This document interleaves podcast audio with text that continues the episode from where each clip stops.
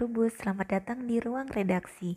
Ini adalah ruang khusus untuk redaksi majalah Trubus bercerita. Di sini kalian bisa mendengarkan cerita kami, para jurnalis pertanian yang sering berkelana di dunia pertanian. Ruang redaksi ini cocok bagi kalian yang hobi mendengarkan cerita. Kali ini, ruang redaksi akan dibawakan oleh saya, Andari. Kalian masih belum kenal saya atau sudah kenal saya? Ya buat sahabat Trubus yang sering mondar mandir buka media sosial Trubus mungkin sudah akrab ya dengan nama saya. Atau kalian yang sering baca majalah Trubus semoga kalian masih sempat membaca nama saya di akhir artikel. Di ruang redaksi edisi perdana ini saya akan bercerita soal tanaman hias yang saya suka banget yaitu kaktus dan sukulen uh, beberapa tahun belakangan ini, mungkin dua tahun belakangan ini ya, orang sepertinya tergila-gila sama aroid. Uh, tahu kan tanaman aroid itu apa aja? Seperti aglonema, anthurium, kemudian ada juga hmm, philodendron monstera itu masuk golongan aroid tapi entah kenapa hati saya itu masih tertuju sama kaktus dan sukulen mungkin karena uh, ngaruh di pembawaan ya karena uh, selama saya berkecimpung di dunia jurnalis tanaman nih jurnalis pertanian saya ngerasa ada kecenderungan karakter seseorang dalam memelihara sebuah tanaman hias jadi kalau misalnya orangnya itu cenderung uh, bold, cenderung karakternya kuat gitu, uh, tegas. Nah, kenapa saya ngerasa narasumber itu banyaknya memelihara tanaman kaktus dan sukulen dan uh, kebanyakan kalau misalnya mereka tipe tipe orang yang uh, tidak bold gitu ya lebih ke bukan santai sih. Jadi orangnya itu lebih ke kalem gitu. Itu lebih sukanya memelihara seperti aroid atau anggrek gitu. Dan entah kenapa juga uh, hobi tanaman itu juga ngaruh dengan tempat tinggal. Kalian sadar nggak? Jadi kalau misalnya kalian jeli nih uh, pehobi kaktus dan sukulen itu sentranya muaranya itu kebanyakan ada di daerah Jawa Timur sedangkan untuk aroid kebanyakan di daerah Jawa Barat kalau saya pikir-pikir itu karena uh, lokasinya ya. Jadi di, di Jawa Timur itu kan dia um, panas dan kering. Jadi cocok untuk pertumbuhan kaktus dan sukulen. Sedangkan kalau misalnya di Jawa Barat itu kan daerahnya lebih cenderung lembab. Tapi mungkin kalian bertanya-tanya, e, tapi kaktus dan sukulen banyak kok ada di Lembang. Nah itu kenapa ada di Lembang? Kebanyakan mereka itu uh, untuk perbanyakan ya perbanyakan itu memang paling banyak di daerah Lembang kaktusnya pun kecil-kecil kalian nanti akan bisa membedakan uh, kaktus yang dibesarkan atau ditumbuhkan di daerah Lembang dengan kaktus yang ditumbuhkan di daerah Jawa Timur itu akan beda dari media tanamnya pun beda nih sahabat rubus. Kalau kalian jeli ya. Dan uh, kebanyakan kalau misalnya kaktus dari daerah yang dingin seperti Lembang itu boleh dikat dingin tapi kering. Beda dengan hmm, Jakarta. Dia itu daerahnya nggak dingin tapi lembab. Nah e, kaktus itu menyukai daerah-daerah yang kering. Jadi walaupun dingin tapi kering dia masih mempunyai peluang untuk tumbuh dan e, besar dengan sempurna gitu tapi e, wilayah itu juga bukan menjadi harga mati ya sahabat rubus kalau misalnya kita mau memelihara tanaman itu lebih ke habitatnya. Jadi maksud saya tuh gini uh, kenapa sih kaktus dan sukulen itu lebih baik tumbuhnya di daerah Jawa Timur yang panas? Ya memang habitatnya habitat asal mereka itu ya ada di daerah gurun pasir yang panas dan kering. Dan kenapa philodendron kemudian aglonema uh, monstera, kemudian hemalomena, epipremnum dan segala macam satu keluarga aroid itu kenapa dia lebih bagus tumbuh di daerah Jawa Barat? Yang memang pada dasarnya mereka itu adalah tanaman yang suka daerah yang lembab dan teduh. Tapi bukan berarti ya kalau misalnya kita tinggal di Jawa Timur kita nggak bisa nih memelihara aroid. Bisa Terus atau misalnya gini, oh kita yang tinggal di daerah Jakarta yang lembab atau Bogor yang sering hujan sehari-harinya uh, tanpa hujan itu tuh nggak mungkin. Ya itu bisa aja kita pelihara kaktus semua itu bisa, tapi memang akan membutuhkan effort yang lebih tinggi dibandingkan kalau misalnya kita pelihara kaktus dan sukulen di daerah yang panas gitu. Jadi gini, kalau misalnya kita tinggal di daerah Bogor, sedangkan kita pelihara kaktus dan sukulen ya pastikan media tanamnya itu media tanam yang poros, yang nggak menyimpan banyak air gitu loh sahabat rebus. Jadi uh, tanaman itu uh, nggak kebanjiran. Maksudnya gini, jadi di dalam media tanamnya itu nggak mengandung banyak air yang bisa menyebabkan kaktus itu busuk. Begitu pula di daerah, kalau misalnya kita pelihara aroid di daerah Jawa Timur, jangan sampai kita itu menggunakan media tanam yang cenderung membuat uh, kering. Uh, misalnya yang tanaman yang membuat media tanam yang kering itu adalah media tanam yang mengandung banyak pasir alias media tanam yang banyak digunakan untuk kaktus dan sukulen. Tentu itu bakalan membuat aroid kita merana dong. Kan aroid itu membutuhkan media tanam yang lembab tempat tumbuh yang teduh dan jangan sampai kita itu pelihara philodendron itu itu ada di tengah-tengah halaman tanpa peneduh sama sekali. Ya matilah philodendron kita karena dia butuh peneduh gitu. Semuanya itu akan balik ke perawatan tapi dengan melihara tanaman sesuai dengan habitatnya itu akan uh, lebih uh, membuat kita santai. Terutama kalau misalnya kita adalah karyawan yang banyak banget kerjaannya yang merawat tanaman itu hanya di akhir pekan saja tentu akan lebih baik kalau misalnya kita memelihara tanaman sesuai dengan habitatnya gitu. Nah balik lagi nih kenapa sih aku suka sama kaktus dan sukulen? Aku tuh pengen cerita. Jadi uh, dulu yang, yang memperkenalkan aku dengan dunia kaktus dan sukulen itu adalah seorang narasumber di Jawa Timur. Beliau adalah ketua kaktus dan kaktus community Cactus and Succulent Society of Indonesia. Nah, kaktus aku jadi lupa nih kepanjangan CSSI apa. Maaf ya Pak Wijaya. Cactus and Succulent Society of Indonesia. Namanya tuh Pak Wijaya. Jadi beliau itu adalah pehobi kaktus dan sukulen di Jawa Timur. Beliau lah yang memperkenalkan saya tentang dunia kaktus. Jadi kalau misalnya sahabat rubus hanya mengenal kaktus itu uh, sepanjang gimnokalisium saja atau sepanjang astropitum saja itu salah banget. Karena kaktus itu dunianya tuh luas banget. Selain ada gymnocalycium ada juga astropitum kemudian ada ariocarpus. Jadi ariocarpus tuh bisa dibilang ad adalah raja kaktus. Nah itu akan semakin kita menekuni dunia kaktus dan dan kita tuh akan semakin paham bahwa kaktus itu tuh sama loh cantiknya dengan tanaman-tanaman lain. Walaupun kebanyakan yang memelihara kaktus ini adalah kaum pria jadi kaumnya Nabi Adam itu banyaknya adalah pelihara kaktus dan sekolen mungkin karena cowok ya dia lebih lebih kuat, kemudian lebih manly, jadi merasanya itu satu frekuensi kalau misalnya mereka memelihara kaktus dan sukulen. Itu hanya anggapan saya saja ya sahabat rebus, karena ini kan ruang redaksi, tempat redaksi bercerita tentang pengalamannya sebagai jurnalis pertanian. Oke, terus aku pengen juga kalian tahu ya, kalau kaktus itu uh, setia, bisa dibilang ada sahabat alami yang setia. Jadi dia tuh nggak minta perhatian yang lebay gitu loh. Kemudian itu mereka tumbuhnya itu juga diem-diem, tau nggak sih? Kaktus itu juga bisa berbunga. Kalian pasti belum pernah lihat deh bunga kaktus itu cantik banget warnanya tuh ada yang kuning, ada yang pink, dan jangan salah, duri kaktus pun cantik-cantik sahabat rubus. Jadi kalau misalnya kalian cuma lihat duri kaktus itu lurus-lurus aja itu berarti kalian mainnya kurang jauh duri kaktus itu ada yang melengkung ada yang seperti kuku kemudian ada yang bercabang tiga kemudian ada yang bercabang lima warnanya pun warna-warni banget kemudian ada yang uh, durinya itu panjang-panjang ada yang pendek-pendek ih banyak banget deh kalau misalnya kalian itu mau terjun dan mau mendalami kaktus dan sukulen uh, dengan lebih jeli Oh ya, aku kayaknya kelupaan kalau sebenarnya kaktus dan sukulen itu adalah dua hal yang berbeda ya. Kaktus itu masuk ke dalam sukulen, tapi sukulen belum tentu kaktus. Bingung nggak? Jadi gini, uh, sukulen itu adalah tanaman yang menyimpan air di dalam tubuhnya. Kaktus demikian. Tapi tidak semua uh, tanaman yang yang menyimpan air dalam tubuhnya itu adalah kaktus. Contohnya, contoh sukulen ya yang paling banyak kita jumpai adalah Echeveria. Echeveria itu adalah uh, sukulen yang sering banget digunakan untuk uh, ini. Hmm, waktu kita nikahan aksesoris uh, untuk kita nikahan kalau misalnya nikahan itu kan suka dikasih hadiah tuh. Nah kebanyakan itu adalah echeveria tuh yang dikasih ke situ. Kemudian uh, euphorbia euphorbia tuh juga termasuk sukulen.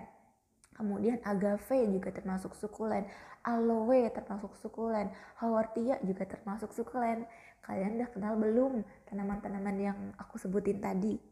Kalau misalnya kalian belum berarti kalian wajib banget untuk langganan majalah Trubus. Karena uh, kita sering banget mengulas berbagai macam jenis kaktus dan sukulen di edisi majalah Trubus jadi kalian akan sangat rugi banget kalau misalnya nggak pernah baca majalah Trubus dan uh, sahabat Trubus di edisi Juli 2021 itu uh, ada artikelnya Pak Eka Budianta. Pak Eka Budianta ini adalah seorang budayawan uh, dan juga kolumnis Trubus sejak 2001. Beliau juga aktivis Tirto Utomo Foundation dan Kebun Organik Jababeka Cikarang. Buat kalian yang mungkin sering berkecimpung di dunia lingkungan hidup atau tanaman pasti sudah akrab dengan Pak Eka Budianta. Nah, di artikel ini Pak Eka tuh mengatakan kalau kaktus itu diyakini sebagai lambang penyintas kehidupan. Jadi kaktus itu uh, adalah tanaman yang berhasil melewati hidup yang sulit bahkan di lahan-lahan yang berat nyaris tanpa cinta. Duh, bahasanya keren banget ya. Nyaris tanpa cinta. Wow. Nah, kaktus itu tidak punya pilihan selain melakukan adaptasi sesuai dengan lingkungannya. Setiap kaktus harus bertahan dengan cara masing-masing ada yang memasang duri untuk melindungi diri, ada juga yang menutupi tubuhnya dengan bulu. Jadi sebenarnya sahabat rubus kenapa sih kaktus itu berduri? Kenapa sih kaktus itu ada bulunya? Sebenarnya itu adalah uh, cara dia untuk melindungi dirinya dari lingkungan yang ekstrim. Kalau misalnya dulu waktu SMA kita belajar biologi, uh, duri kaktus itu atau bulu kaktus itu kan sebenarnya daun yang sudah bermetamorfosa jadi karena dia hidupnya di daerah panas gitu kan terik dia harus pinter-pinter nih nyimpen air gitu. Harus pinter-pinter nih gimana caranya hemat hemat nafas atau respirasi itu harus hemat.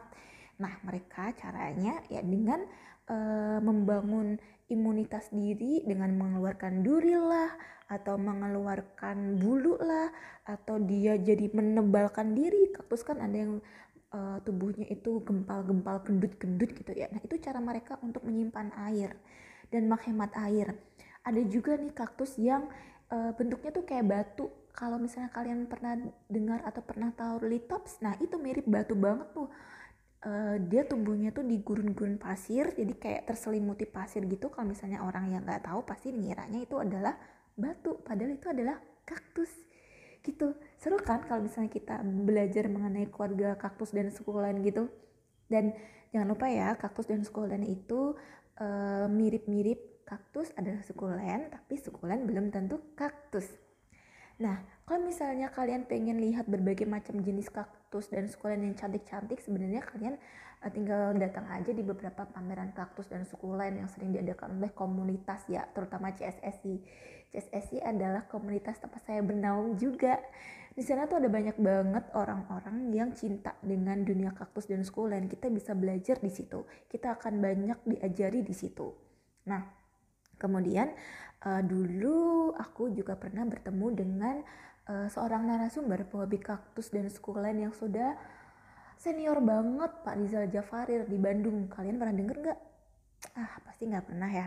Berarti mainnya kurang nih kapan-kapan kita main yuk ke Bandung ke tempatnya Pak Rizal jadi Pak Rizal tuh bercerita berkata seperti ini. Andari hmm, kalau misalnya kamu lagi bete atau kalau misalnya kamu lagi kesel nggak punya gairah kamu lihat aja tuh kaktus dan sukulen. Kamu pasti jadi lebih uh, bersemangat lagi. Kenapa Pak? Lihat deh tanaman kaktus dan sukulen itu. Bad badannya tuh warna-warni dan durinya juga bagus. Kamu kalau lihat itu pasti jadi uh, terpercik semangat kamu semangat kamu akan tumbuh lagi akan muncul lagi. Dan itu memang aku buktikan loh sahabat rebus. Pas lagi bete aku liatin aja tuh kaktus dan sukulen di kantor. Kan ada tuh teman yang pelihara kaktus dan sukulen. Jadi saya liatin aja tuh. Dan memang kok bisa meningkatkan energi kita. Jadi tanaman itu memang bisa loh menyalurkan energi sahabat rebus. Jangan salah. Nah tapi sebaliknya kalau misalnya kita pas lagi hmm, apa namanya kita pas lagi bahagia kita lagi berbunga-bunga. Itu kamu liatin aja tuh tanaman seperti anggrek gitu. Anggrek kan cantik-cantik tuh sahabat terus warnanya ayu-ayu gitu. Nah cocok nih kalau kalau pas kita lagi hati kita tuh lagi santai lagi berbunga-bunga itu lihatlah mereka gitu. Seru kan? Seru banget tau kalau misalnya kita itu berkecimpung di dunia pertanian jadi salah banget loh kalau misalnya kalian mikir dunia pertanian itu hanya tentang tanaman cocok tanam kemudian panen pasca panen salah pertanian itu juga uh, bisa men menelusur menelusur loh di dunia filosofi. Kayak kalau misalnya kalau kita uh, saya ya kalau misalnya aku ketemu dengan narasumber yang sudah senior itu pasti banyak banget ilmu yang bisa saya terima.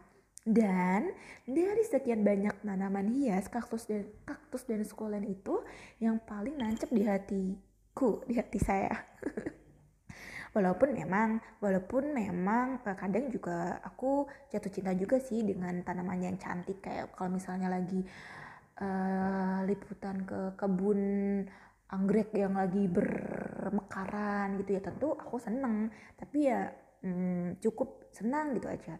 Tapi yang selalu menancap di hati itu adalah kaktus dan sukulen. Ini pendapat pribadi ya sahabat trubus. Kalau misalnya kalian uh, lebih menyukai tanaman lain juga tidak apa-apa uh, itu adalah hak asasi ya hak asasi kita semua. Kita bisa mencintai tanaman apa aja. Yang salah adalah kita tidak mencintai tanaman. Kita buang-buang tanaman terus kemudian kita menganggap remeh tanaman itu salah ya. Karena tanaman itu uh, memberikan efek bagus dalam kehidupan manusia baik secara individu maupun secara sosial Oh ya sahabat Trubus, sepertinya aku tadi salah memberikan informasi ya. Tadi kan aku sempat cerita tentang litops, uh, salah satu tanaman yang bentuknya mirip batu dan dia hidup di daerah gurun pasir gitu. Jadi kalau misalnya kita nggak ngeh itu kita mungkin akan ngiranya itu adalah batu-batu. Tadi aku nyebutnya litops itu adalah kaktus ya, tapi uh, bukan ya sahabat Trubus. Litops itu masuknya sukulen, mohon maaf. Karena memang uh, aku pun yang meskipun sudah masuk ke dalam komunitas kaktus dan sukulen dan terkadang suka salah sebut pengennya menyebut sukulen tapi yang keluar adalah kaktus. Ya karena balik lagi itu tadi kaktus adalah sukulen, sukulen belum tentu kaktus gitu. Nah e, kalau misalnya kalian mm, sering jalan-jalan di daerah Lembang nih, kamu kalian pasti nanya gini, oh, kaktus tuh tanaman biasa aja, harganya juga murah-murah, buat apa sih dipelihara gitu kan? Nah itu berarti kalian juga kurang jauh juga mainnya. kaktus itu kalau kalau misalnya nih kaktus dan sukulen yang suka dijadikan uh, apa namanya cindera cindera mata ya cindera cindera mata di acara nikahan ya pasti itu adalah kaktus dan sukulen yang harganya murah dong. Nggak mungkin dong cindera matanya adalah kaktus dan sukulen yang harganya juta-jutaan. Yang mungkin saja ada tapi kan golongan tertentu. Nah, kalau misalnya kalian masuk lagi ke dunia kaktus dan sukulen itu kaktus itu juga ada loh yang harganya sampai puluhan juta. Sukulen pun ada loh yang harganya sampai 50 juta 60 juta. Jangan salah. Tapi memang eh, entah kenapa ya karakter hobi kaktus dan sukulen itu memang uh, sedikit berbeda. Jadi karena uh, mereka itu lebih ke santai ya. Kalau misalnya dalam memblow up sebuah tanaman uh, tanaman baru gitu atau tanaman yang langka gitu Nah, orang-orang kaktus dan sukulen tuh uh, karakternya tuh memang seperti itu. Dan uh, mungkin juga orang awam itu mengira kaktus dan sukulen itu adalah tanaman murah. Jadi kalau misalnya ada tanaman yang kaktus dan sukulen yang harganya cukup mahal atau cukup tinggi mungkin hanya dianggap angin lalu aja bagi orang awam ya. Padahal nih uh, seperti yang dimuat di majalah Trubus edisi Juli 2021 sudah baca belum kalian? Nah, ini ada loh di sini diceritakan juga ada kaktus uh, yang harganya sampai mencapai 42 juta. Itu Opuntia galapageia. Itu dijualnya dengan harga 3000 US dollar alias 42 juta. Hmm, kalian udah pernah dengar belum? Kemudian ada juga nih kaktus super langka dari Argentina yang dibanderol dengan harga 250 ribu dolar. Itu berapa tuh kalau dirupiahkan? Jadi sampai tiga setengah miliar ya. Kalau misalnya kursnya itu 14 eh, ribu per dolar. Hmm, kan? Nah, itu membuktikan kalau kaktus dan sukulen pun ada loh yang harganya mahal dan tentu ini hanya untuk golongan kolektor. Uh, kolektor yang istilahnya bisa dibilang kelas kakap ya, karena kan kolektor pun terbagi-bagi menjadi beberapa lapisan. Ada kolektor pemula, itu mungkin buat kita-kita nih yang kerja kantoran atau anak-anak sekolah, anak-anak kuliah itu peliharanya ya kaktus-kaktus yang harganya uh, sekitaran 100 sampai 200 ribu. Nah, kemudian ada juga yang kolektor middle. Ini berarti dia udah main kaktus dan sukulen harganya jutaan. Ada juga kolektor yang kelas atas nih, kelas kakap mainnya tentu yang sudah harganya uh, puluhan juta gitu. Dan juga nih yang menarik banget nih sahabat rubus kaktus dan sukulen ini hmm, bisa merambah ke dunia seni loh. Jadi kalau uh, kemarin itu tuh aku sempat kaget nih. Jadi uh, pengrajin pengrajin pot atau seniman-seniman seniman keramik itu sekarang itu memproduksi pot-pot yang cantik-cantik banget. Dan itu kalau dipadukan dengan kaktus itu jadi uh, unik banget gitu nyentrik banget dan nyenik banget gitu sahabat rubus. Jadi kalau misalnya kalian nih punya kaktus dan sukulen nih di rumah kalian harus cari uh, pot-pot yang sekarang itu cantik-cantik banget kalian bisa cari kok di marketplace. Atau kalau misalnya kalian punya Instagram kalian bisa cari. Itu banyak banget pot-pot cantik yang bisa kita padukan dengan kaktus dan sukulen yang kita punya di rumah. Seru banget kan? Jadi itulah kenapa uh, saya suka banget kalau misalnya di uh, minta untuk liputan kaktus dan sukulen dan menulis tentang kaktus dan sukulen. Karena dari kaktus dan sukulen itu aku bisa belajar bagaimana cara beradaptasi dengan kehidupan. Sama seperti kaktus dia beradaptasi dengan lingkungan yang uh, membuat dia mungkin bisa aja mati atau nyerah. Tapi dia nggak mau nyerah dia malah bermetafora. Dia mengeluarkan duri dia mengeluarkan bulu yang cantik-cantik banget. Dan juga ada juga dia bermetafora menjadi bentuk seperti batu yang tak kalah cantik banget dan bahkan bisa menipu orang. Orang mikirnya itu batu tapi sebenarnya itu adalah sukulen.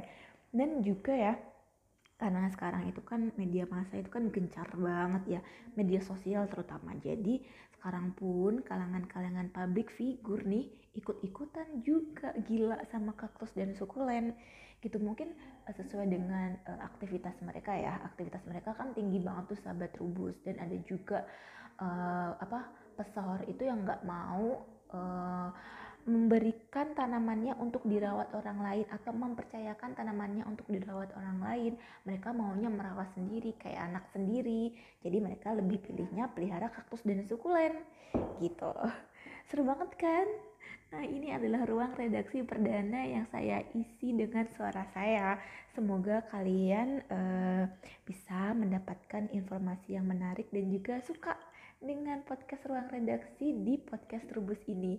Saya akhiri dulu ya sahabat Rubus, sampai ketemu di edisi selanjutnya. Bye!